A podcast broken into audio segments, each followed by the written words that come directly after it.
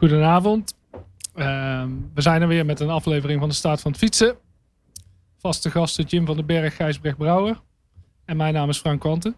Eh, we moeten zelf ook een beetje afkicken van de Tour de France. Dus het is vanavond eh, de staat van de Tour. Ehm Gijsbrecht, hoe is jouw uh, tourpool verlopen? Ik, Beetje ik hoopte dat je dit ging vragen, want anders zou ik het zeker zelf gezegd hebben. Ik heb gewoon gewonnen in mijn pool. Nee! Het is voor het eerst in 20 jaar. Ik denk echt dat de vlag uit kan, gewoon in heel Nederland. Van harte man. Ja, het Ja, was echt. eh, het is een pool met wat, wat vrienden van mij erbij. En nog echt wel wat resten vanuit, eh, vanuit de Rabo-tijd. Maar bijvoorbeeld ook mijn maat Elvin Post. Hè, de echt, echt toch een, een, een wielerliefhebber, een voetballer hier in Rotterdam. En ehm, ja, ik had, ik had een, eh, een Landa als nummer 1 en een Wout Poel zeg maar als B-renner. En daar tussenin had ik een paar hele goede met eh, de Echappés, zou ik maar zeggen. En daar heb ik hem gewoon op binnen ge- getrapt. Onder hoeveel, andere hoeveel Trentin onder deelnemers? andere. Ja, onze pool? eigen pool zit denk ik een stuk of 30, 25, 30. Nou, Dus eh, ja, Zo. dus ik, ben, eh, ja. ik, zou, ik zou nog kunnen kijken wat is de Tour Champion, wat ik eigenlijk de leukste vind.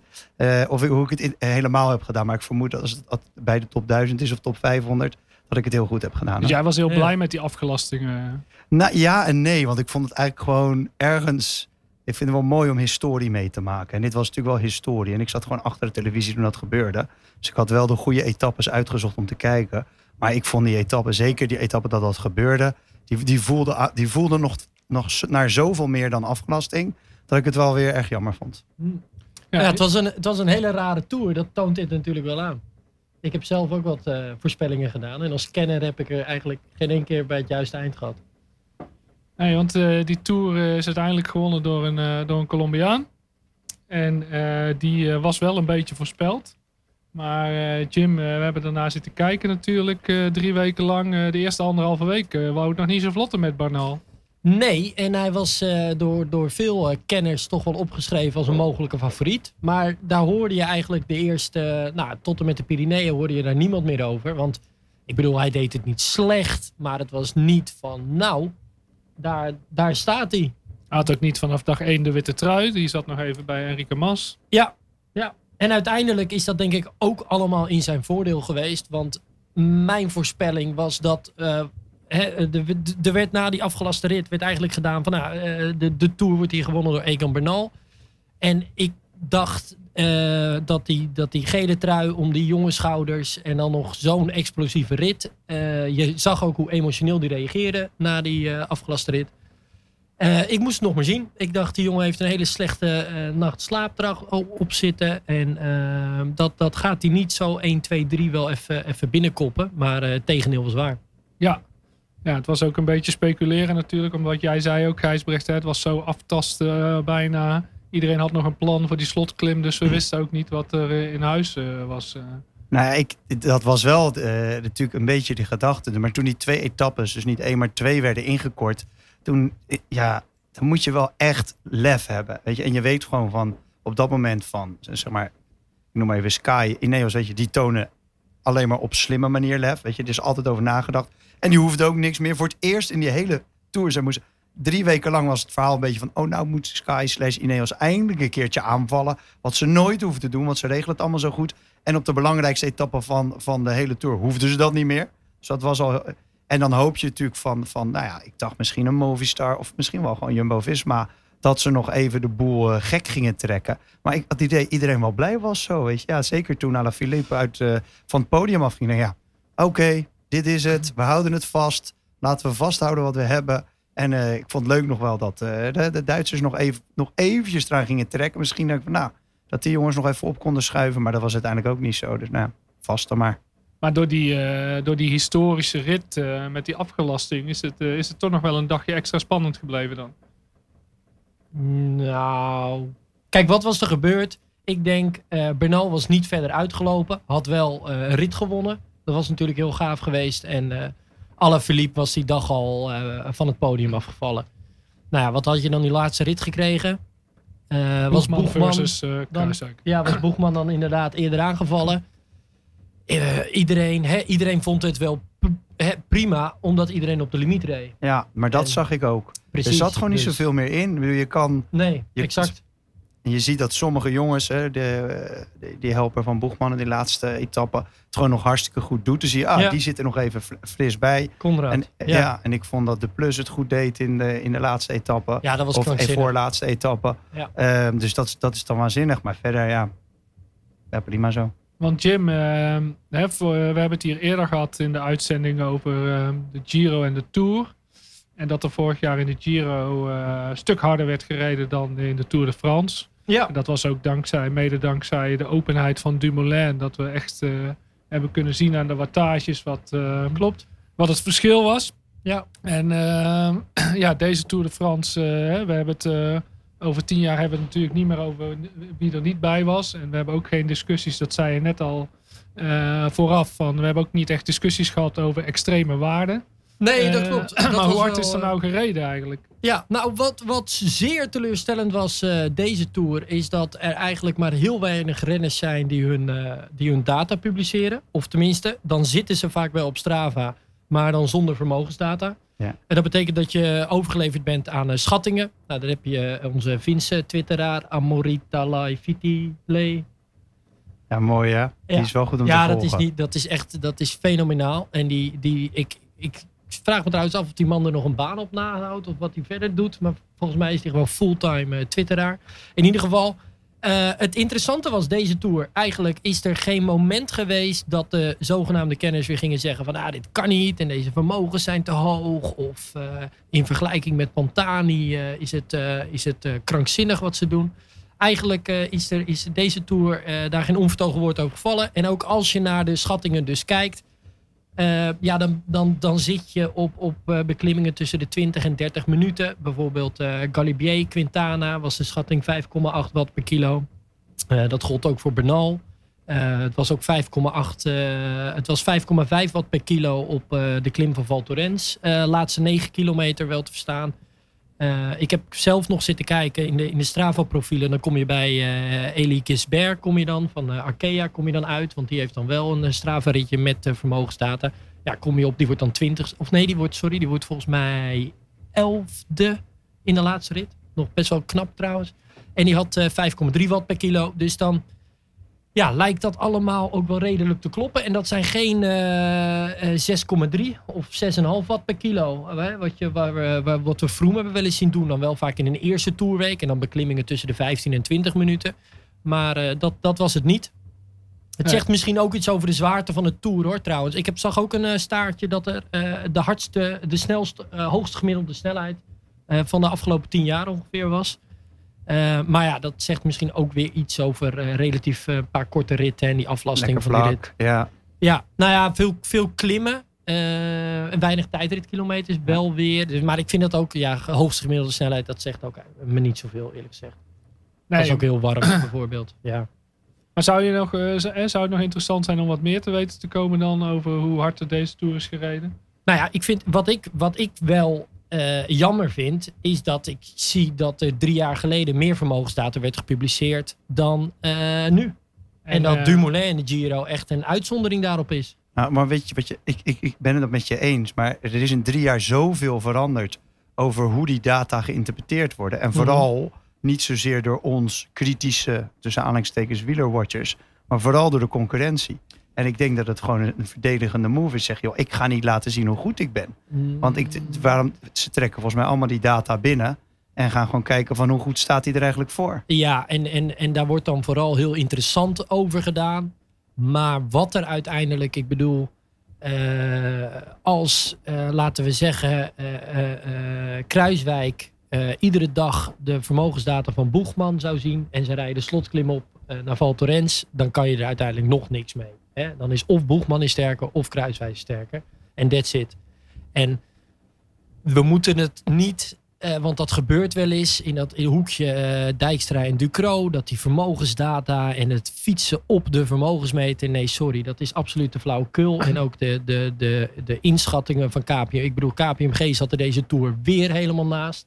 Kunnen we het daar ook even over hebben? Ja, Die- laten we het daar even over hebben. Wat hadden ze voorspeld? nou, ik had gehoopt dat ze in ieder geval die aflastingen hadden voorspeld. En zelfs dat lukte deze Tour niet. Nee, maar ja, eh, dat die gewoon rekening houden met die, eh, weerdata.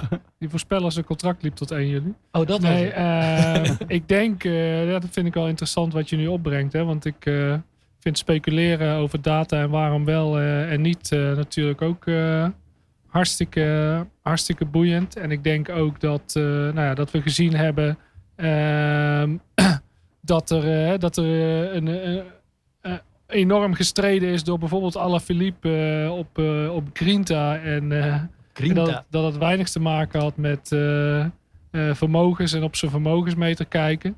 Maar ja, we hebben het ook hier vaak over hè, de, de kant, eh, de communicatie, de marketingkant van, eh, van het fietsen. En eh, KPMG die, die had vol ingezet, Gijsbrecht, op, op het activeren van het partnership met Sunweb. Ja, dit, dit, dit was misschien wel, als je, als je terugkijkt op deze, deze tour qua, in ieder geval Nederland, qua sponsoring en marketing, was natuurlijk alles wat rondom Sunweb gebeurt, eh, is, is natuurlijk wel heel treurig. Dan zie je dat net voor de tour, of net in de tour, eh Binkbank instapt. En nou, die hopen er toch ook misschien wel iets meer mee. Je ziet dat KPMG er al langer mee bezig is. Nou ja, Sunweb is er al zo lang mee bezig. Denk ik, daar maakt één minder of betere tour niet zo heel veel meer uit. Hun activatie zit ook gewoon heel anders. Die willen gewoon die naam zo vaak mogelijk horen. Eh, maar dan denk je met KPMG, ja, ik zag natuurlijk, ik word getarget, dat weet ik. Maar ik zag elke dag op mijn Facebook of op mijn Instagram wel een KPMG eh, post, sponsored post voorbij komen. Waarin ze iets met heel veel bravoure riepen over die tour. Die op dat moment al helemaal zonder bravoure was voor Sunweb. Ja. En dat, ja, ik weet hoe lastig, ik bedoel, ik weet hoe lastig het is om, om eh, je campagnes aan te passen en om dat goed te doen. Eh, dus, dus ik wil er ook helemaal niet, eh, niet al te cynisch over doen. En ik vind het lang mooi dat, dat zo'n partij in, in het, in het wielen, in Maar het wielrennen werd een stapt. beetje sneu. Maar het werd wel treurig. Ja, Ja, ik ja. vond Ja, wat ik echt- grappig vind is dat hè, de, het was, social media was altijd juist de kans dat je je campagnes kon aanpassen versus een krantadvertentie die je dan al een tijdje van tevoren had geplaatst. Nu had Jumbo vanochtend eh, op de achterkant van mijn krant in ieder geval een felicitatie voor de eigen wielerploeg. Met vier eh, uitgesneden fotootjes en, eh, en bloemen die in de aanbieding waren. Dus dat was hartstikke leuk. Maar KPMG heeft natuurlijk wel, op een gegeven moment zag ik in week 2 en, of 2,5, toen Kelderman al was afgestapt, nog een post over, over hem staan. Denk je dan dat ze daar toch te beperkt scenario's hebben gemaakt? Wat, wat was de post dan? eh, Wat was de eh, ja, hoe dat, ze, hoe dat ze aan vermogens, eh, aan meer vermogen leveren werken met Kelderman, denk ik. Oké. Ja, het was gewoon, het sloeg de plank gewoon mis, weet je. Dat Ja. is, en ik denk, één dagje mag je daar wel naast zitten. Maar nou ja, uiteindelijk is dit, is, is activatie en vooral dicht op de sport zitten, is het, je kan een goed concept hebben, je kan een goede sponsoring hebben. Maar als je het niet goed uitvoert, is het toch pijnlijk. En ergens zal er iemand gewoon naar die cijfertjes zitten kijken bij KPMG en zeggen, joh, we zijn deze tour zijn we 30 miljoen keer in beeld geweest. En is iedereen blij.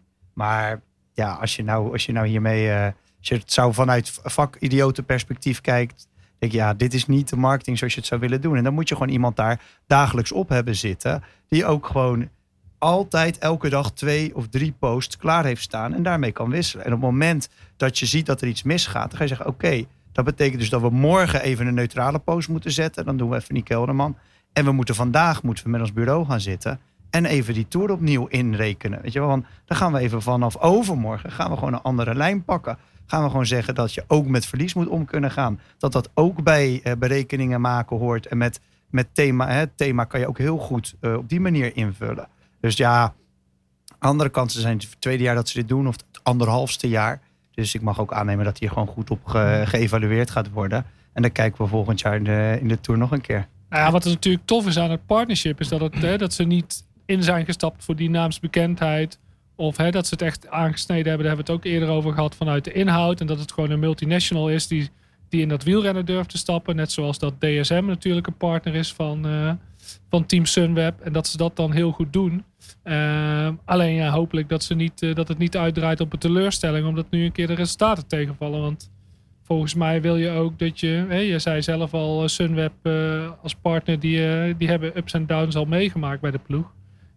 En dat is ook sport. Want ehm, hè, Jumbo-Visma zit nu op een high. Maar hoe, eh, hoe gaat dat over, eh, over zes of twaalf maanden zijn, eh, Jim? Nou, er is natuurlijk ook iemand die, die vorig jaar dan aan iedereen moest uitleggen bij Visma. Van ja, nee, wielrennen moeten we dat nou wel doen. En het is een beetje een, hè, toch een sport geplaagd door doping. moeten we dit partnership wel aangedaan? En is daar iemand geweest van nee, dit moeten we absoluut doen. Nou, die, die man of vrouw die, die loopt ook als een pauw zo trots daardoor kon- Ik weet, waar zit Visma? In eh, Noorwegen. in Noorwegen. Ja, daar komen ze vandaan. Ze zitten ergens langs de A10 eh, in Amsterdam. Zag ik een mooi kantoor. is een, hele langs. blije Noor, toch? Ja. Die krijgt iedere dag krijgt die schouderknopjes voor die, voor die briljante beslissing die daar gemaakt is. Ja, ja ik, eh, ik, ik hoorde dat, eh, dat twee eh, eh, C-level managers eh, van eh, Jumbo en, eh, en Visma elkaar troffen over een, eh, over een zakelijke deal. Hè? Dat, eh, dat eh, Jumbo eh, de diensten van Visma af zou nemen. En toen kwam het op wielrennen en zo is dat balletje gaan rollen.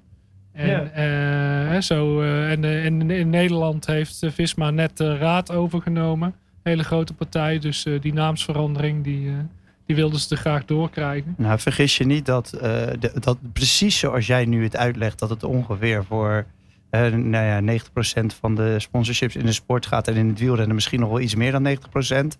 En dat daar dat, eh, die positie van Jumbo daarin en eerder daarvan Brand Loyalty, want Brand Loyalty heeft natuurlijk Jumbo binnengehaald, dat die daar essentieel is. is hè? Dus wat, wat Van Eert daar doet, dat je, kan heel veel van het succes eh, deels hè, natuurlijk heel veel respect voor, voor pluggen. eh, nog hè, en, en sportief voor, voor Zeeman. Maar wat daar gebeurd is, wat voor een soort van conglomeraat en powerhouse daar gebouw- gebouwd wordt. Dat is de, hè, vroeger noemden we dat de Brabantse sponsormafia. Dat zijn die, die jongens die allemaal daar rondom Veghel, Eindhoven zitten. En die trekken het gewoon bij elkaar. En dat, ja, dat gaat heel erg goed. Ja, ik vind het, eh, ik vind het super mooi natuurlijk om te zien dat, je, hè, dat die ploeg, eh, Belkin, eh, die stapte er na een jaar uit met hele onduidelijke verklaring. En ondertussen weten ze nu al jaren de groei door te maken. En, en ook die partners op een manier te activeren en tevreden te houden. Waarvan je kan zeggen van hé, hey, dat, eh, dat gebeurt op een manier waarin je in ieder geval eh, progressie ziet. En, en het lijkt dat, eh, dat het in goede harmonie gaat. Misschien ook juist omdat die partners elkaar zakelijk treffen en kennen, maar ook omdat die ploeg daar sterk mee omgaat. Ik zag wel deze tour een drijfte nu voorbij komen. En eh je had er ook nog even naar gekeken, Gijsbrecht. Ja, ik, was, ik zag die inderdaad ook, ook weer op mijn, op mijn social media voorbij komen. Ik, ik, ik, zag ook dat er een online videocampagne voor was. Ik weet niet of die ook op televisie geweest is. Maar, eh, En ik ehm, kijk een hoop tv. Dus nee, dus dat, dat idee had ik al. Ja, een drijfte Wat moet je erbij voorstellen als je het niet gezien hebt? Ja, eigenlijk een soort van waterbed. Nee, hoe noem je zo'n Ja, ding? gewoon een luchtbed. Luchtbed Luchtbed, inderdaad, ja, voor in het water. Zoals je die vroeger had, zeg maar, in de jaren 80, 90. Waarmee je dan de zee in ging en dan per ongeluk afdreef. En dan is die in de vorm van een wielrenmannetje zonder onder zijn knieën en zonder zijn hoofd, zeg maar. En dan zat het, het, het, het Jumbo, eh, nieuwe Jumbo tenue, want ze Ja. met een nieuwe tenue gekomen, zat daar dan op ge- geprint. Ja, ehm, ik denk dat het erg leuk is voor in het zwembad. En ik denk dat het ook wel leuk is als je die vakantievibe een beetje wil pakken van ja, Jumbo is toch een familiesupermarkt. Hè. Supermarkten zullen zich altijd op families richten. Dus dit is wel heel slim op de, op de familie gericht. Maar wat het met een wielren, met een team, hè, want het zijn toch nog allemaal teams. Wat het met een wielrenteam te maken heeft, dat, ik begrijp, dat begrijp ik niet helemaal. En ik, hij is ook niet, qua activatie vind ik hem niet heel lekker gelopen. Ik kan natuurlijk totaal niet zien of we er verkocht zijn. Dus misschien, wie weet zit iedereen wat high five. Maar dat nu. moet je kopen. Ja, of kopen of krijgen bij zoveel flesjes Amstel volgens mij. Dus, eh, dus, dus ja, misschien Hm. zitten ze wel te high five nu in, eh, in Veghel. Maar ik denk dat het Het een... viel eh, mij ook op dat hij pas halverwege de tour was of zo. eh. Eh, daar, daar krijg ik dat, ja, dat- ik heb dat ook wel eens gehad bij een van mijn activaties vroeger. Dan was er één boot uit China die zeg maar net even net niet lekker langs Iran kwam of zo, weet je wel. Ja. En dan waren, was al die rotzooi uit China was ineens twee weken later. Hm. Dat Dit is hebben dat, ze toch bij Ineos besteld dan, gewoon dit plastic? Ja, ja. ik denk dat dat het eh, partnership is. Dat Ineos dit gewoon de tegen heeft gehouden. Ja. Ja. Ja. Dat eh, Ineos en eh, Jumbo-Visma fuseren. Ja, Dat is één wielerploeg. ja, dan zijn we sowieso klaar voor de komende Ja, dan jaren. kunnen we naar huis. Hè? ja, ja. ja want eh, die eh, globalisering van de wielersport die zette natuurlijk onwijs door met al die Belgische en Nederlandse ritzegers. En toen kwam er in één keer een Zuid-Afrikaan en een Colombiaan die de koers ging winnen. Maar Colombia is natuurlijk ook al jaren een, eh, een wielerland. Nee, ik, Nou, ja, nou ja, van Heras. Ze zijn heel lang weg geweest. Ja. Hè? Na, na het Kelme-periode, Ja. althans. Ja, en er wordt nu heel erg eh, verteld dat Colombia zo'n ontzettend fietsgek land is. En ik heb zelf ook nog wel eens een wielerkoersje in Zuid-Amerika gereden. Ik had eigenlijk vooral altijd het idee eh, dat als je daar door een dorp fietste, dan was het eigenlijk de enige activiteit die daar plaatsvond het hele jaar. Dus er was automatisch veel publiek. En, en volgens mij moet je de populariteit van wielrennen in Colombia niet eh, enorm overschatten. Eh, er zijn vooral heel veel Colombianen. En ze zijn vooral heel erg sportgek. Ja. Ja, nou ja, bij, bij Svanjeur, eh, het Rotterdamse eh, Cycling Journal, ehm, is, eh, is ooit een stuk verschenen over, over, over fietsen in Colombia. En eh, in Bogota fietsen op zondagochtend op, eh, op, op, ik geloof, ik heb het hier opgeschreven, 120 kilometer autovrije wegen. eh, fietsen ho- 2 miljoen mensen elke zondag. Oké. Dus qua fietsgek Hoeveel mensen zou je kunnen in zeggen, Eh, het is 30% van de bevolking. Dus Dat is best wel 2 veel. miljoen. Ja, Ja. Zo, dus dat, eh, dat is echt Ja. bizar. Als dat in Rotterdam zou gebeuren, dan eh dan weet je niet wat je dus, eh, hè, 200.000 mensen op de fiets Ja. zitten. ja. Ehm, en dan eh, dus eh, 120 kilometer eh, straat afgesloten. Nou ja, Ja, dat, wat- is, eh, dat is echt een uitje, lijkt me. Nou, dit, Ja. Het land staat natuurlijk op die manier heel, eh, heel positief in natuurlijk. Maar het, het, belangrijkste is natuurlijk die hoogte daar. En iets wat we eigenlijk niet in, in, in Europa nauwelijks kunnen. Wij, wij moeten echt op weg naar 2700 meter. En ik weet nog, uit mijn langlauftijd was hoogtestage natuurlijk was essentieel. Ja. En dan ging je zoeken naar iets op 1200, iets op 1700, iets op 2700. Deze gast, die woont op 2700. ja, ja, ja. Komt met een... een Maar eh, iedereen gaat toch op hoogtestage? ja, nee, maar hij, ja, ik bedoel, ik zijn VO2 max van 89. Ik weet niet of dan, hoe dat allemaal gemeten wordt. Als je dan zegt dat Vroom op 85 zit. Ik weet nog dat, eh, dat eh, in de Rijn ook altijd zo rond de 89, 90 zat in die periode. Ik durf niet helemaal te zeggen of die waarden nou zo goed vergelijkbaar zijn. Maar ik denk wel dat je, eh, dat je daardoor in die, in die buurt wel makkelijker talentjes kan vinden. Nou, nee, dat is dus niet zo. Ik bedoel, hè, dat is, er is ook lange tijd gedacht dat Afrikanen beter konden hardlopen, omdat ze daar dan een bepaald genenpakket voor zouden hebben. Nou, dat, dat is niet zo. Eh, dat, dat heeft met de cultuur te maken en, en, en dat het een manier is om eh, eh, boven de maatschappij uit te stijgen. En dat überhaupt trouwens bijvoorbeeld ja, in, een, in een aantal landen marathonlopers daar echt veel meer op een voetstuk staan dan, dan in Nederland. Maar het is, het is niet zo dat, dat per se iedereen die op hoogte geboren wordt met VO2 max rondloopt, waarmee ze de Tour de France zouden kunnen winnen. Nee, dat zou wel heel Bernal makkelijk zijn, is- maar dat er... Is een extreem talent. Nee, maar kijk, de mens kan zich in principe, de mens kan zich aanpassen vooral echt op twee dingen. Ik kan adapteren op, op warmte. Wij kunnen niet adapteren op kou, dat is, daar zijn we heel slecht in. Maar op warmte, dan zien we dat er allemaal fysiologische processen plaatsvinden. En dan een weekje later kunnen we allemaal wat beter met die hitte omgaan. Eh, de mens is eh, eh, ook heel erg trainbaar op hoogte. Als je het maar lang genoeg op hoogte laat verblijven, dan, dan past dat lichaam zich aan. Maar als je vervolgens weer naar zeeniveau vertrekt en, en er geen enkel fysiologisch nut is voor die adaptaties, dan verlies je ze ook weer. Dus als, Ook als je er geboren bent, zeg je. ook als je er geboren bent, ja. Dus, Maar dus dat Egan Bernal dat bizarre VO2 max heeft, dat heeft vooral te maken met zijn, met zijn bizarre genenpakket. En daarvan eh, eh, woont er ook eentje in Krooswijk. Maar wat, En hè, niet per wat, se op een eh, berg in Colombia. Wat wel zo is, is dat die, die, ze komen vaak uit het dorp op grote hoogte. Terwijl eh, Colombiaanse voetballers dan weer aan de, aan de kust eh, leven en worden geboren. Ja, dat dus is hele wel andere eh, dingen te maken. culturele eh, Precies, ja, ont- exact. ontsnappen uit, uit Ja, de nou ja, zeker als je dus ook naar voetbal kijkt, is dat natuurlijk wel. Hè, je, er bestaat zo'n onderzoek dat zeker uit dat soort landen die voetballetjes allemaal uit enorm verstedelijke gebieden komen. En er zijn zelfs onderzoeken dat je bijvoorbeeld om de absolute top te bereiken, dan moet je een beetje een getroubleerde jeugd hebben gehad, maar ook weer niet te getroubleerd.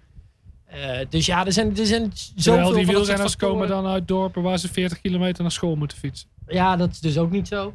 Maar eh, in sommige gevallen kan dat wel geholpen hebben in hun ontwikkeling. Maar kijk, als, als- het, het, het is eh, factor op factor op factor. En waar je heel erg mee op moet passen, is dat er op een enorme hoogte in Colombia relatief geschikter genapakket voorkomt dan in Kralingen. Dat, dat kan je niet zeggen. Dat is, nu- dat is nu helemaal niet zo. Dat, dat is heel aanlokkelijk om dat nu te gaan zitten vinden. Maar dat is een soort van... Nou ja, maar kijk, Ja. uiteindelijk had eh Björn Dali had ook een eh, VO2 max van 92. En in Noorwegen kom je ook niet hoger dan 600, 700 meter. En ergens een keer geloof ik richting de 1000. Ja, Dus het is niet... nou, Lance Armstrong zijn dat soort cijfers ook eh, bekend. Hè? ja, dus boven de 90 milliliter Ja. per kilogram per minuut. Dus, eh, ja, jij bent hier de wetenschapper, Jim. Hè? Maar natuurlijk eh, de verklaring voor dat hele... nou, ik hoor heel veel commentatoren hoor ik dat nu zeggen. Dat als een verklaring voor zijn goede fietsen. Dat hij van de enorme hoogte in Colombia vandaan komt. En dat, eh, en dat deze Tour veel, e- relatief veel etappes had. Waarin kilometers boven de 2000 meter hoogte werden afgelegd. En dat is, ja, dat is echt de meest luie journalistiek. Of de meest eh, eh, eh, ja, eh, een luie oorzaak-gevolgrelatie die, die, die ik ooit heb gezien. Is het ook niet zo dat als je vaker op hoogtestage gaat, dat je dan sneller weer aanpast? Uh, in principe is het zo dat als, jou, als er geen enkele reden bestaat voor jouw lichaam om aangepast te zijn. En, en dat geldt voor alle fysiologische processen die in jouw lichaam plaatsvinden. Het is altijd op zoek naar een evenwicht. Uh, dan zal jouw lichaam geen enkele moeite doen om bijvoorbeeld dat hematocriet hoog te houden. Maar je, en ook als, Als je, je er niks maar- aan hebt, gaat dat niet gebeuren. En als je vaak teruggaat naar die hoogte, dan denkt je lichaam ook niet van... hé, weet je wat, ik, ik hou nog wat eh hematocriet. Muscle memory. Ehm, ja, dat is ook weer een gevaarlijke, of je dat zo kan zeggen. Weet ik niet, weet ik niet. Nou, daar komen we dan een keer op Ja, terug. of je, als je tien keer op hoogte... Kijk, ik denk vooral wat je ziet, mensen die vaak op hoogtestages zijn geweest, die weten dat met name eh, die eerste twee dagen voel je je vaak wel aardig. En die, die dagen daarna voel je je dan helemaal Ja, precies, kloten. dat kan je goed leren. En, dat, en dat leer je, daar leer je mee omgaan met dat gevoel. En je leert je lichaam. eh, eh, kijk, laat ik het zo zeggen. Tien jaar geleden was er nog. eh in collegezalen heb ik ook gezeten. En dan zeiden we: Nou, één op de vier reageert slecht op hoogtestage. Eh twee op de vier reageert wel aardig. En één op de vier die wordt echt veel beter van hoogtestage. Tegenwoordig zeggen we dat ook niet meer. Tegenwoordig zeggen we: iedereen adapteert en iedereen reageert op hoogtestage. Alleen bij de een gaat dat proces wat sneller. Dus die is wat sneller weer trainbaar op hoogte. En wat we dus zagen bij diegene die dus slecht, zogenaamd slecht reageerde op hoogte. En die begon gewoon te vroeg met zware trainingen. En die ging helemaal naar de kloten. En ehm, inmiddels is dat veel geïndividualiseerder. En kijken die trainers veel beter naar het individu. En hebben ze persoonlijke trainingsschema's op hoogtestage. En ja, als iemand op een gegeven moment tien keer op hoogtestage is geweest. Ja, dan de tiende keer voelt hij zelf ook wel een beetje aan eh, wat hij wel of wat hij niet moet doen. Maar bij de, je hebt natuurlijk ook hè, bij bevruchting op zo'n grote hoogte... heb je dan niet dat eh, degene die het beste... eh, alle- Ja, maar dat is wel zoals het klinkt, toch? Ja, ja. dat, Ja, eh, eh, eh, als eh, dat zo zou zijn, dan... ja. Kijk, die Colombianen zijn natuurlijk trotse mensen. Hè? En eh Gijsbrecht, die, die zijn sportgek, trots op hun land. Dan hebben ze succes in het wielrennen al een paar jaar, een paar jaar weg geweest. Eh, maar ja, ik vind het wel interessant nu. Hè, die commentatoren die worden naar voren gebracht. Zoals ze dat bij voetbal doen, zoals ze dat bij wielrennen doen. Eh, maar wat heeft, wat heeft de commercie nou aan eh, wielerland Colombia? Want die mensen die op het plein staan te juichen, staan die, hè, zijn dat de volgende consumenten die een fiets gaan kopen? Of zijn dat de mensen die Visma software gaan gebruiken? Of, Nou, zo kort door de bocht zou ik echt niet, niet kijken. Kijk, op het moment dat, dat heel Zuid-Amerika als continent niks meedoet bij de grootste, eh, grootste tour, de grootste wielerwedstrijd, de enige wielerwedstrijd misschien wel die ertoe doet, dan is dat zonde. En als er een land meedoet, hè, en, en, en Ecuador hebben we nu ook hè, als een soort van aanhaker. Wie weet krijgen we nog een paar landen die in ieder geval daar hoog in de... Amador, Costa Rica, Ja, dus dan, Russische moeder. dan kan je zeggen van nou wie weet leidt dat tot een beetje verspreiding van het wielergeloof. Hoe kwetsbaar dat is, nou hebben we net besproken. Want volgens mij zaten we half eind jaren 80, begin jaren 90 op eenzelfde eh, gekte in Colombia. eh, qua wieler, eh, wielerliefhebbers en wieler en topatleten die er meededen in de Tour. Dus ik denk dat, dat als het puur om de commercie gaat, het niet zo belangrijk is. Ik denk als het gaat om de sportief, het sportieve aspect. En ik denk dat dat op lange termijn veel belangrijker is voor de commercie dan even in Colombia een paar extra fietsen verkopen. Ik denk dat het goed is dat, dat ja, het zou ook mooi zijn als er meer uit het continent Afrika of uit het continent Azië aan zouden haken. Weet je, die, die zien we gewoon niet. Ja, Astana, en je kan je nog een beetje zo half Azië rekenen, maar dan ben je er wel. En dat is natuurlijk wel waar, eh, waar, de, waar de wielersport baat bij heeft, bij echt eh, wereldwijde eh, zichtbaarheid. Ja, en dan zie je dat in Colombia gaan ze natuurlijk terug. Hè. Eind jaren 80, ne- begin 90 was het ook nog een beetje politiek met eh, het platteland eh, versus de grote stad. eh, wat dan, eh, waar die wielersport ook, nog, ook nog een rol in speelde. Met volgens mij is Herrera door de FARC of zo een keer gekidnapt.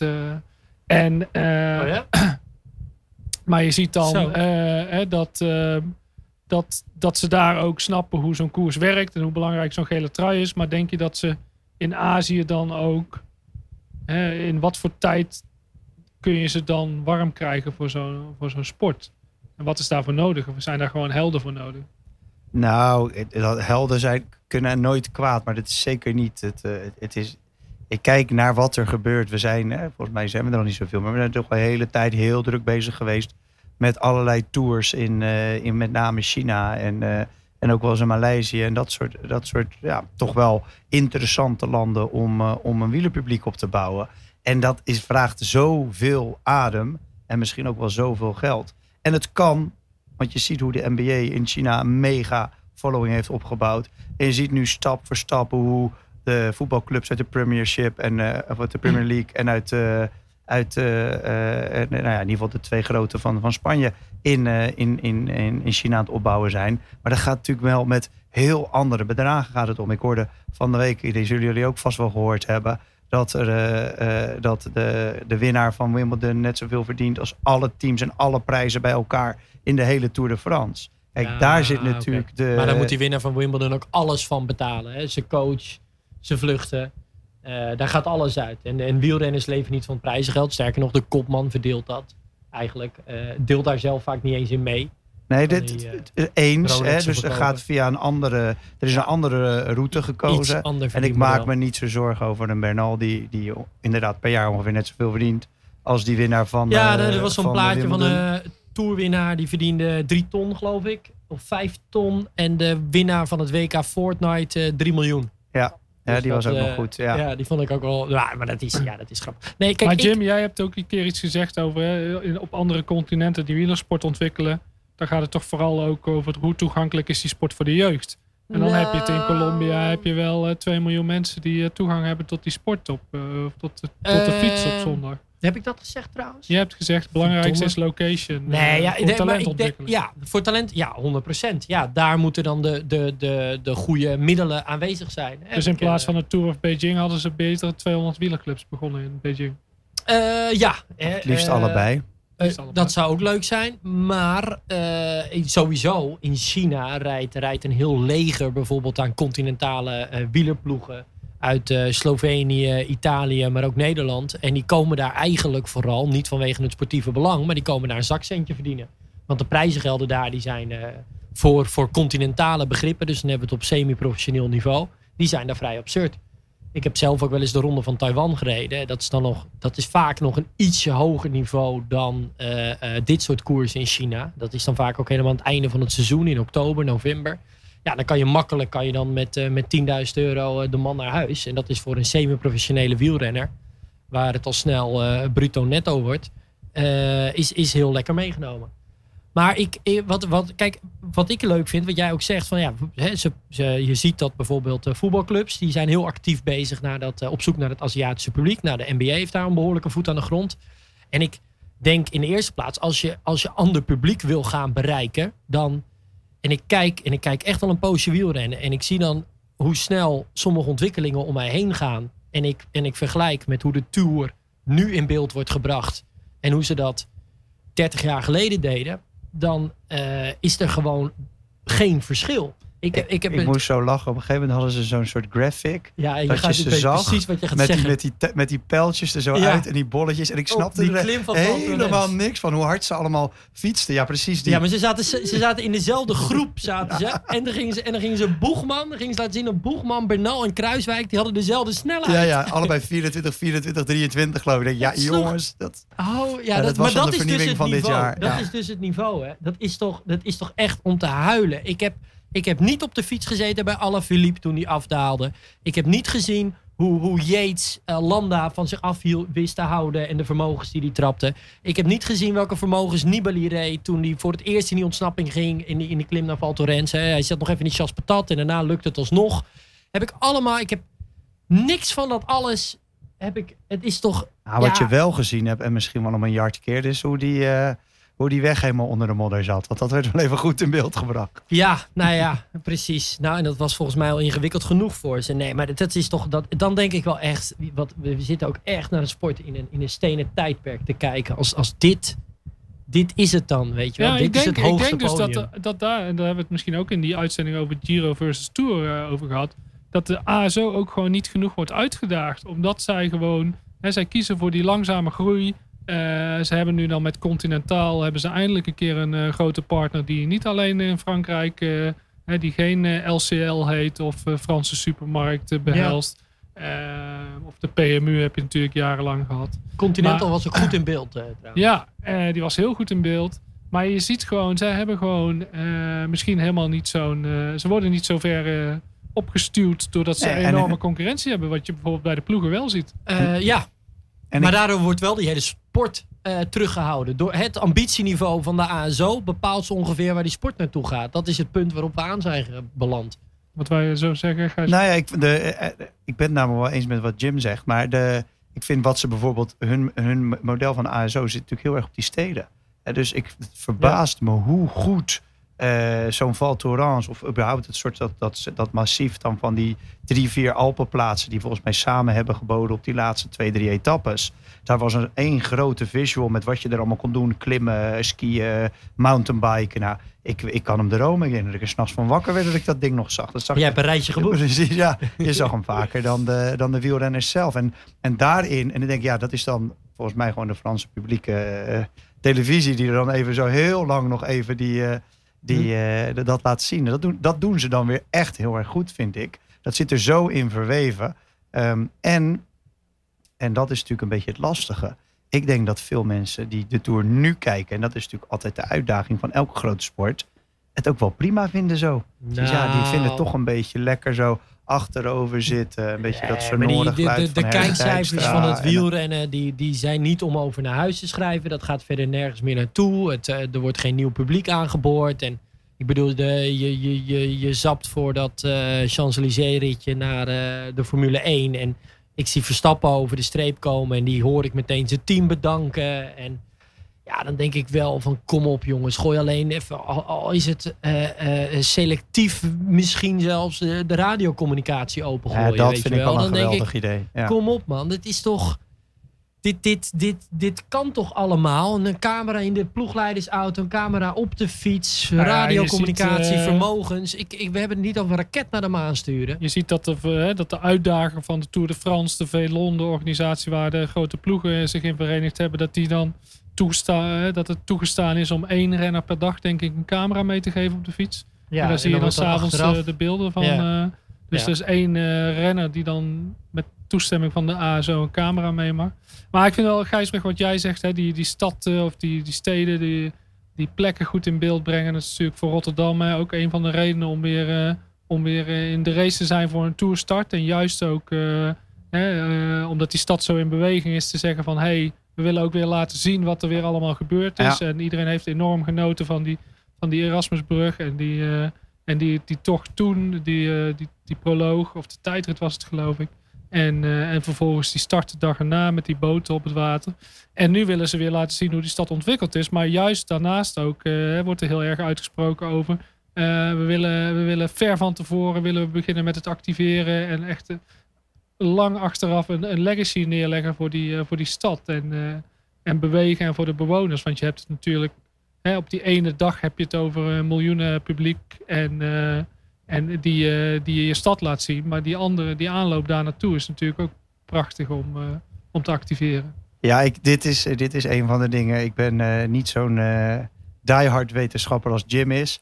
Maar als Jim zou gaan duiken in de cijfers die, die achter zeg maar, de, de, de kwaliteit of de, de economie, de bedrijfseconomie van zo'n toerstart zou zitten, dan zou die denk ik schrikken. Want daar is werkelijk waar nog geen echt fatsoenlijk onderzoek over te vinden. En als ze er zijn, zijn ze allemaal heel erg gestuurd. Mijn visie is altijd geweest hierop. Je moet dat doen voor de cultuur van de stad en voor de trots van de, van de inwoners. En je moet vooral niet denken dat je daar economisch als stad Nee, beter precies. voor gaat worden. Het is gewoon tof om zo'n evenement in je stad te hebben. Net zoals het goed is om een waanzinnige eh, eh, voetbalstadion te hebben en een club waar je trots op kan zijn. En dat mag wat mij betreft, zelfs uit onze belastinggeld, best wat kosten. Precies. Maar laten we niet met allerlei onderzoekjes gaan doen alsof dat nou zoveel geld oplevert. Want dat doet het gewoon niet. Ik bedoel, Nee, daar dat- blijft nee, de maar stad dat- nu ook in weg. Hè? Dus eh, de wethouder heeft het aangekondigd en die, die blijft ook weg bij het feit van eh, dit gaat ons enorme bestedingen opleveren. Dat is natuurlijk zo, maar het is vooral een, een feest en een mooi haakje om weer eens iets te doen voor de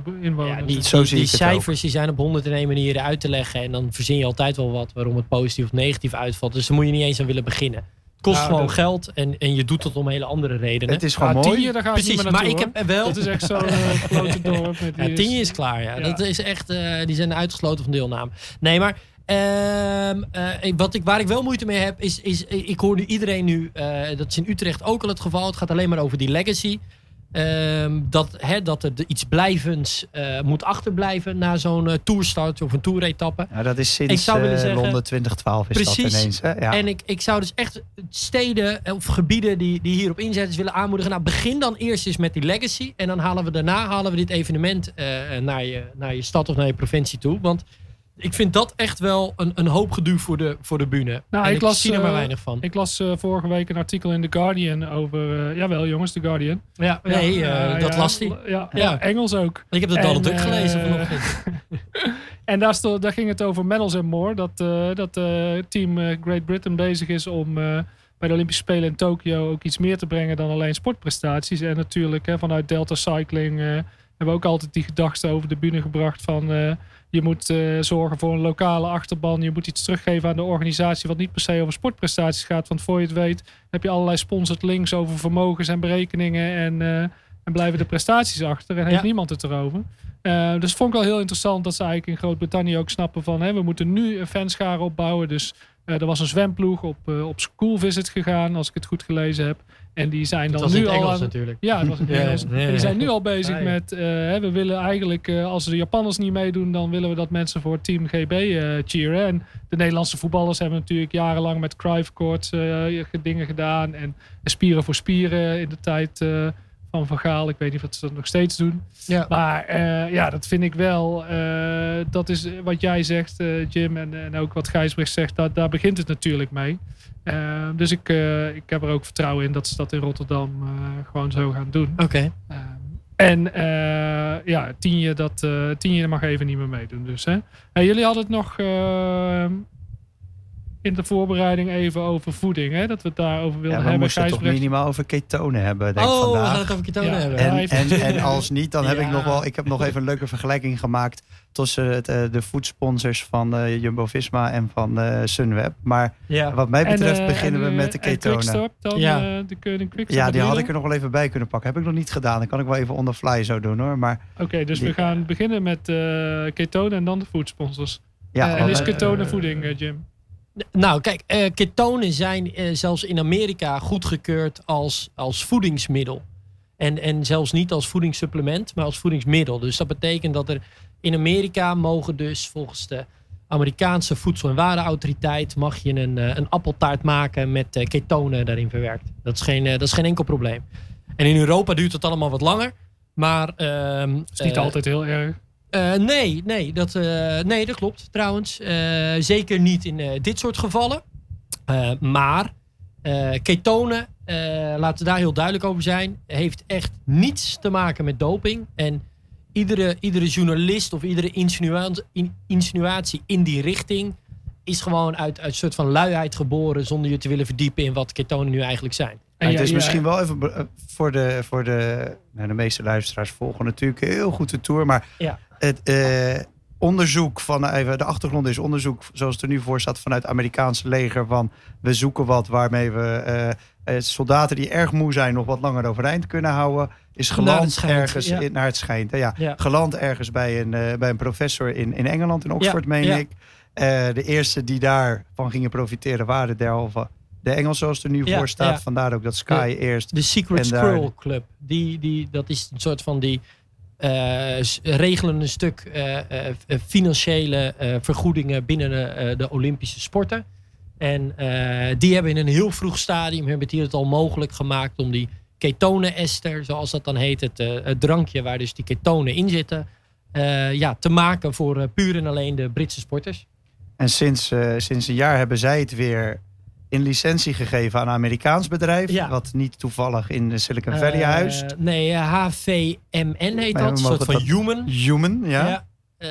Eh, ja, klopt. En daar heb ik het zelf bijvoorbeeld ook een eh, jaar geleden besteld. En eh, ik heb er eh, zelf bijvoorbeeld ook een aantal strandraces op gereden. Eh, het is heel smerig. En ik reed bijvoorbeeld de Hoek van Holland Den Helder is een eh, strandrace, 120 kilometer. En ik had voor eh, 60 euro eh ketonen-ester eh, in mijn mik. En ik ging na 10 kilometer echt vol op mijn bek.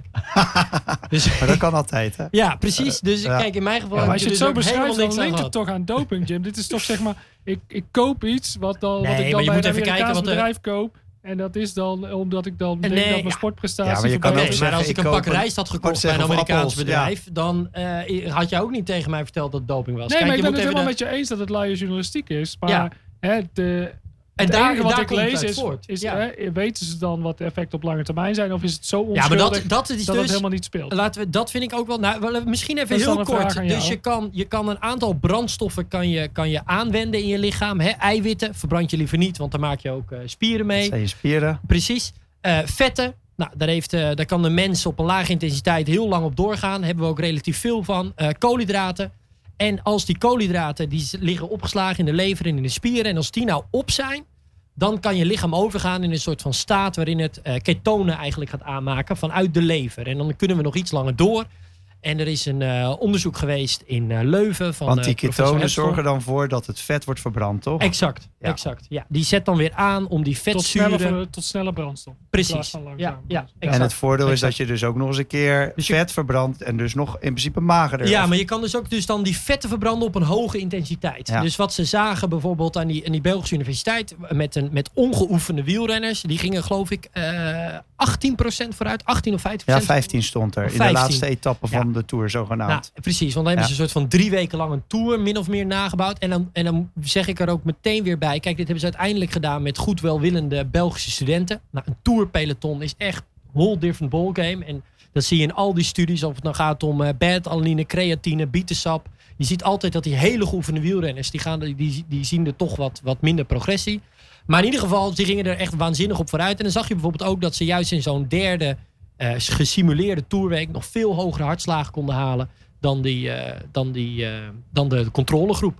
En dus de mensen zonder die ketonen. En dat is, ja, die, die cijfers waren echt verbluffend. En wij weten eigenlijk in het wielrennen weten we al heel lang van het bestaan van ketonen. We weten ook al heel lang, gaat het daar eigenlijk over? Inmiddels is nu ongeveer eh, ruim een jaar is het, is het commercieel beschikbaar eh, eh, via deze partij in Amerika. Human, 30 dollar per flesje. Moet je dan wel invoerrechten over betalen als je het naar Nederland laat halen. Ik heb het wat mensen mee laten nemen in hun, in hun koffer. En ik kreeg ook de hele tijd de vraag van... ja, wacht even, ben ik nou doping voor je aan het smokkelen? Of wat is dit eigenlijk precies? Of kan je dat niet even lekker zelf bestellen? En op dit moment zitten we op een punt dat ik niet geloof... dat eh, minstens eh nou, 80% van de, van de ploegen rijdt met... eh, maakt gebruik van dit product. En ook via van deze partij. En dan hoor ik bij Sunweb, hoor ik ze nu dan een soort van de, de discussie een beetje spinnen. Maar ja, we zijn nog niet overtuigd dat er lange termijn effecten zijn van ketonen. Nou ja, laat ik, laat ik één ding heel erg duidelijk stellen. Wij zijn eigenlijk binnen topsport nooit bezig met de lange termijn effecten. We zijn altijd bezig met kortstondig eh, eh, gewin. En dat maakt het eh, extreem opportunistisch. En dat is ook een, een heel belangrijk hoofdbestandsdeel, een ingrediënt mag ik wel zeggen, van, van topsport. En ehm, zo zijn er dus bij heel veel ontwikkelingen of bij heel veel producten vraagtekens te plaatsen. En a priori is topsport ook zeker niet gezond. En als Sunweb echt gaat, gaat zitten wachten eh, wat ketonen met het menselijk lichaam doet over 30 jaar. Ja, dan kunnen ze die tent beter nu opdoeken. Eh, want dan moet je helemaal geen topsport willen bedrijven. Ja, En het feit dat eh, Ineos en eh, de uh, Koning Quickstep en eh, Jumbo-Visma wel Ja, zo slim zijn mij geweest stappen. Scott en Lotto Soudal. Ja, nee, klopt. eh, ook allemaal zitten er ook allemaal. Het is gewoon, volgens mij is het 90% of zo. Precies. Alle- je noemt nu alle ploegen die veel eh, etappes hebben gewonnen. Nou, ik Exact. dacht ik begin daarmee. Ja, Ja, en dan kan je er. Brussel nog een keertje naast zitten. Ja, ja, de ploeg van Daniel Martin. Ja. Hey, in ieder eh, geval nam Sunweb nog heel erg die handschoenen op door dan te benadrukken van nou, we kennen de lange termijn effecten niet. Ja jongens, de gemiddelde zo- eh, pleister in jullie medische kit ken je ook de lange termijn effecten niet van. Nee. Dus ja, Nou, dat is eh, duidelijk. Jim, jij, eh Gijsbrecht, jij wou iets zeggen over de food partners. eh, Nee, het was maar was een klein aardigheidje. Ik, ik zat even te, te vissen in van. Hè, je had de Jumbo Food Coach bij, eh, bij Jumbo Visma natuurlijk. En toen zat ik te kijken en dacht ik ineens: oh, dat, dat verrast me toch wel, dat rijtje. Wat er dan nog meer bij zit. Hebben ze Vivit? Hè, dat is natuurlijk eh, eh, een van de grotere. je hebt dus Vivit Sport heb je tegenwoordig. Is een beetje Ja. van Campina, Friesland. Friesland, Campina. Die zitten overal in de sport. Hè, ook bij, eh, bij NOC bijvoorbeeld. Dus maar die dat- hebben ook echt een wielrenlijn nu hè, met eh, jelletjes. En die kan je ook gewoon via de website Ja, bestellen. En dat is best wel, hè, die, die zijn wel serieus. Maar dan wordt het grappig. Dan krijg je Calvé, Lipton, Unox. Dus dat is toch een deal met Unilever ergens. Nee. Ik zie niet helemaal wat ze daarmee moeten. Behalve af en toe, nou ja, die pindakaas die kwam natuurlijk wel prima bij die 5000 calorieën op een dag. Kruiswijk is gek op pindakaas. Dus dat, dat zal wel een beetje in die hoek zitten. En dan eh, Heineken 0.0 en Sourcier. Dat moet natuurlijk die 0.0's. Die hebben Hm. echt nu... Hè, vroeger was het natuurlijk Amstel dik in het wielrennen. Maar dat, dat de Heineken nu zijn 0.0 naar zo'n voren schuift. Dat zie je dan bij de Koning Quickstep. Zie je dat ze Maas 0.0 hebben. Dat is natuurlijk Ja. gewoon eh, het broertje aan de Belgische kant. Dus dat is een enorme kans denk ik ook voor het wielrennen. Die 0.0 bieren die eraan zitten komen. Eh, en voor de sport in het algemeen. Hè, met, met, met marathons bijvoorbeeld ook. Maar dan krijg je weer Grand Italia, wat dus eigenlijk een concurrent van Unilever is als je zo bekijkt. Red Bull, wat een concurrent van eh Sourcy is als je het zo bekijkt.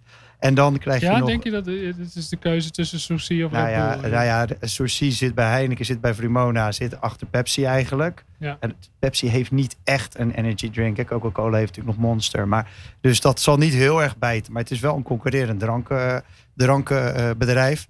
En dan krijg je nog wat vitamine. Princess vond ik heel grappig. Die activeert dus ook in een van hun filmpjes. Ga pannenkoeken bakken. Koop dan deze Princess pannenkoekenbakker. Vond ik erg leuk gedaan. Ehm, en dat is een beetje het verhaal van, eh, van de vrienden van, eh, van Jumbo. Sunweb eh, hebben, en dan moet je wel even op gaan letten. Meesters van der Halm. Sorry? Zeg het maar. Oh, dat is biologisch muesli. Nee, het is Toch? iets Oh. van, ja, misschien ook. Maar het is een bepaalde manier van malen van granen. Dus eigenlijk een soort meel is het eigenlijk volgens mij. Ehm, dan hebben ze Born natuurlijk. Dat is een beetje het Limburgs. Hè? Dit, dat, Ja. dat, dat, dat bekende drankje. Zullen vast geen ketonen in Born zitten. Sportvoeding. Eh, goeie sport. eh, een wel. van de beste van Nederland, toch? Ja. Nou, en bijvoorbeeld eh UAE, dat rijdt bijvoorbeeld met Neemt rond. En volgens mij refereerde Daniel Martin daar laatst ook in, in een interview. Dat dat echt dat soort van werelds slechtste sportvoeding. Dat ook. oké. En dan Ja, is is wel... Ja. Dan hebben ze nog Grain Labs, waar ik ook van niet helemaal begreep wat het was. Een hele leuke vond ik Coffee Fresh. Dus ze hebben gewoon een grote koffieboer. Als dat niet elke. Eh, dit is echt een kans voor bijna alle grote ploegen, denk Ja. ik. Al die wielrenners drinken koffie. Het liefst nog met een pink omhoog, met een eigen espresso-apparaat. Daar liggen echt kansen. Misschien moet Nespresso er gewoon in stappen. Of moet een van de grote hè, DE die stap maken. Maar die, die pakt verder DE niemand. is een tijdje sponsor geweest van, eh, van de ASO. Hè? Maar dan hadden ze, hadden ze een hele instant koffie in het eh, Village de Paar. Dus eh, dat was... Hey, die heb ik eh, ook nog eens gedronken daar, ja. klopt. Ja. En heel vroeger was het natuurlijk de Café de Colombia. Hè? Ja. Dat was natuurlijk ook nog in de... Ja, toen je nog die Colombiaanse succes had. Eh, die zit overigens ja. nog in de ronde van Portugal. Oké. Met echt eh, hele mooie ronde missen. Oh, Daar is echt dat nog helemaal oldschool. Ik wou net zeggen, die moeten nog even Nee, dat door is, de... ja, door die, die- dat is die 30 jaar terug. heen. Die, die, Daar gaat het lijstje eh, gaat verder. En de meest bijzondere, naast nog een, een, een, een horeca-toeleverancier, is toch wel bij Sunweb, is Slush Puppy. Die Oh. hebben we toch ook nog wel allemaal uit de tijd van, zeg maar, toen Ja, maar die gebruiken die, eh, die 80. gebruiken die apparaten vooral om die, om die eh, soort van. Zij maken dan een eh, heel, hele hoge concentratie koolhydratendrank. Ja. Dus ze maken eigenlijk een drankje met die, met die Born sportvoeding. Alleen dan dus met dat ijs eigenlijk. En dat drinken ze dan bijvoorbeeld voor tijdritten of voor ploegentijdritten. Om af te koelen. die, precies, om die die, kerntemperatuur. Dus oh, dat vind ik wel mooi naast gedacht. die eh, koelvesten Ja. eh, hebben zij dus ook in de bussen eh, dat soort slush puppy apparaten staan. Dus daar, daar zit daar waarschijnlijk. En ik denk dat ze daar niet eh, de, de, de siroop van slush puppy in Nee, gooien. ik, ik maar het snap is meer hem, dat ik apparaat. Mooi. Maar Ja. DSM en eh, de TU Delft noem je natuurlijk niet. Maar die doen... die Die doen zitten wat verder aan, de, aan het einde van de keten, inderdaad. Of aan het begin van de keten, zoals je wil. Ja. Ja. DSM heeft natuurlijk ooit dat, eh, dat drankje op de Olympische Spelen gehad. Ja. Die eiwitten. Ik weet niet of dat ze daar nog heel actief in zijn. Durf ik niet te zeggen, inderdaad, op dit Eh, moment. Pet Pro. Ja. Toch was dat? Ja, mega ranzig. Maar ja, ja, het valt wel op dat dus eh, die Jumbo heeft eh, misschien ook via, juist via de Ja, winkel ik denk eh, dat de die- grote partners. eh, En dan net als je dat dan over die, die, dat, dat de drijftenu hoorde. Dat zei ik natuurlijk niet voor niks dat je dat met Amstel dan erbij kreeg. Zo worden die sponsors natuurlijk Hm. een soort van terugbetaald voor het feit dat ze ook weer wat geld in, eh, in de ploeg steken. Dan mogen ze meedraaien op die activaties. Even nog naar België kijken. Natuurlijk, de Belgen hebben niet Jumbo als, eh, als eh, supermarkt, maar Lidl. Wat toch ook wel een hele mooie, mooie is. Maas 0.0 zei ik net al. En voor de rest, ja, Coca-Cola. En voor de rest valt het mij. Er zitten nog wel een paar kleinere bij. Maar zo goed is mijn Belgische eh foodwereld weer ook niet zo eh, bekend. Maar zitten er nog wat minder in. Dus de Belgen kunnen sowieso nog wel wat meer eh, uitrollen in, eh, in de wereld van food and drinks. Ja, ze hadden de ploegenpresentatie in de winkel gedaan hè, van Lidl. Eh, de Koning had zijn tourploeg in de winkel voorgesteld. Van, gewoon in Ah, een ja? Lidl-winkel waar de klanten rondliepen. Ja, ik vind het geweldig. Bedoel, Ja, dit past heel erg goed bij, vind ik ook bij Lidl. En, en eh, zeker, bedoel, de Keuning of eh, Quickstep of al die eh, iteraties die die, die ploeg al geheten heeft, is natuurlijk wel echt een volkse club. En dat past dan wel, vind ik dat merk Lidl ook wel goed bijpassen. Volgens mij is het heel En- goed, ja. En zeker zo'n activatie van doe het lekker gewoon in een winkel. Gewoon tussen, tussen al die bakken daar. Dat eh, ja. ja. vind ik goed gedaan. Maar de Keuning, snap ik dan. Ik, wat is dat eigenlijk? Wat was dat? Windows, dat zit heel erg in de, in de hoek van de, nou ja, wat eigenlijk altijd wel bij, eh, in dat, eh, in dat West-Vlaanderen geweest is natuurlijk. Verandas. Veranda's, windows, ja. eh, hoe heet het ook weer? Ruiten, kliklaminaat, dat soort dingen. Dat is Ja. altijd wel zo'n partij ja, ja. die, daar, eh, die daar instapt. Ja, de, eh, Lefebvre rijdt gewoon de E17 af op zoek naar een nieuwe sponsor Ja. die daar in de berm staat. En dan gewoon een deurtje verder eh, vind je Hey, eh, we hebben nog een paar minuten. Ik had nog eh, hier eh, staan van... eh, hè, maar om dit stukje af te ronden, maken voeding en ketonen dan eh, het verschil. Hè, wat als Landa bij, eh, bij Ineos of eh, Jumbo had gereden. Eh, ja, dan, eh, dan, had hij, dan, dan was hij misschien een keertje mogen starten als kopman. O- of niet. Maar dan was de rol ook duidelijk geweest. En niet, en niet deze flauwekul bij Mobistar. Nee, maar ik zie nu, hè, je ziet nu dat, eh dat de lofpontet wordt, eh, die wordt, eh, hoe zeg je dat, eh, getrokken, gezongen, Gespeeld. gespeeld. Ja. eh, op ploegen die, eh, die, die weten te vertellen wat ze doen. En die dus Mhm. blijkbaar in de begeleiding. Maar dat is, ik denk nog even, lo- ik zou wel willen weten van, is Movistar nou echt zoveel kneuzeriger als wij dat hier met onze verheven eh, West-Europese, eh, omdat we toevallig wel Engels kunnen lezen en zien wat er in de krant gebeurt bij, eh, bij Sky en niet zo goed Spaans kunnen lezen of omdat zij het niet zo goed uitdragen, zijn ze daarom slechter. Ze staan met, met twee, drie man staan ze in de top 10. Eh, dit is, ja, dit is, het is echt niet zo'n, lijkt me niet zo'n dramatische ploeg dit. En maar de tactiek, Nee, kunnen we dat is allemaal zien niet. dat het een lachertje is. toch? Maar ze, en, en precies, en er zit superveel wielerkennis in die ploeg. Maar ehm, wel wielerkennis die inmiddels een beetje ingehaald is, links en rechts. En, en er spelen in Spanje hele andere dingen dan weer op de achtergrond. Val, eh, Valverde heeft een enorme achterban. Die kan je niet zomaar zeggen van nou uh, Valverde, ga jij eens even goed in dienst rijden. Hoewel hij natuurlijk eerst de beste Belgrid, Planche Belville, uh, ging die op kop rijden. Maar wat zie je dan gebeuren? Hij rijdt niet op een manier op kop dat hij vervolgens van kop gaat en gelost wordt. Ja. Hij pikt daarna gewoon weer aan.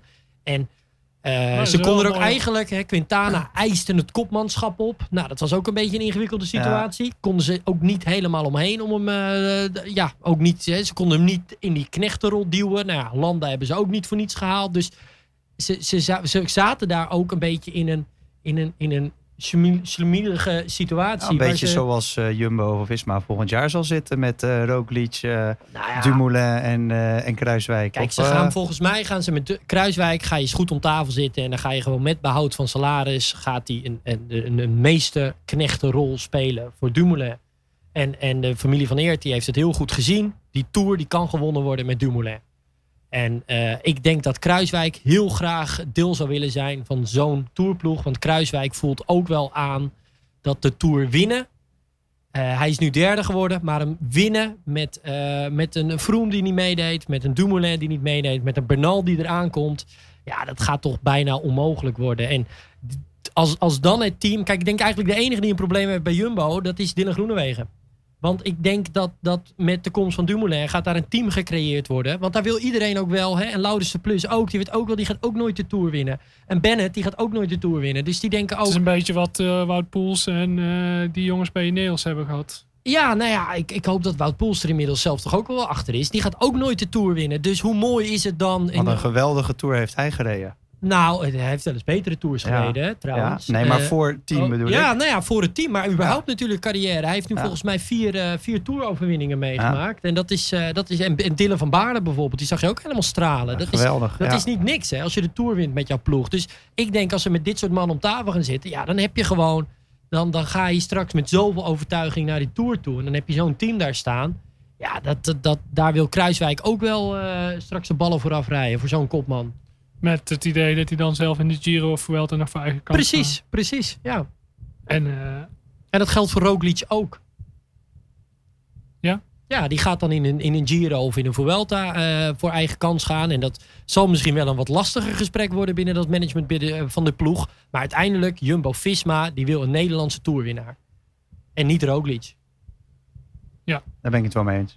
Ja, dat is toch dat logisch. is een compleet ander verschil. En, ze- dat zullen ze nooit zeggen, zal Plugger nooit zeggen, zal Nee. eh, Marijn Zeeman nooit zeggen, Nee. zal Matja Heijboer nooit Ja. zeggen, Frans Maas niet, weet ik veel. Frits Maar, van Eert niet. en zelfs Frits van, nou ik denk dat Frits van Eert wel. Het als eerste zal zeggen. het is wel grappig dat Ja. natuurlijk de ploeg hè, die twee, drie jaar geleden zei... eh, we kunnen budgetair niet mee eh, nu eh, de grootste Nederlandse renner kan aantrekken. Ja, omdat Dus gewoon er die is beurs altijd even iets... Ja, omdat, eh, als de mogelijkheid zich voordient, kan zo'n beurs natuurlijk altijd nog wel een stukje verder Nou open. ja, en, en de oude wijsheid in de, in de economie is van geld komt geld. Op een gegeven moment als je het goed Ja. gaat doen, komt er gewoon meer geld bij. Ja, Maar je- van aanmerken komen dan dus ook aanmerken. nou ja, dat zie je als dus in dat, eh, die, als je dus in de kleine lettertjes leest. Ik ken die contracten natuurlijk niet, dus ik kan er niet helemaal eh, iets van zeggen. Maar het ziet er op het oog in ieder geval beter uit. Nou ja, als, als de familie van Eert een soort van één truck minder mee laat rijden in Parijs-Dakar, dan ben je er. Hè? Dan heb je en het contract afgekocht en je hebt het salaris van Dumoulin voor de komende jaren gegarandeerd. Ik bedoel, dat is, dat is ook wel... Je kan met wielrennen, kan je echt relatief goedkoop, zou je het eerste eh eh eh, toeroverwinning na Zoetemelk binnen kunnen halen. Ik bedoel, ja, ik snap dat niet dat we- alleen Jumbo dit wil, of tenminste, dat zouden er meer willen, denk ik. Dat gaan we volgend jaar zien. Voor nu, eh, dankjewel. Spreken we dan weer af? Ja, volgend jaar. Ah, leuk. Ga ik nog wat Engelse kranten lezen. en, eh, Gijsbrecht die gaat nog wat food eh, sponsors zoeken. Ik zoek er nog wel een paar bij hoor. Komt Dankjewel goed. jongens. Ja, jij bedankt. Ja, bedankt. Tot de volgende keer weer.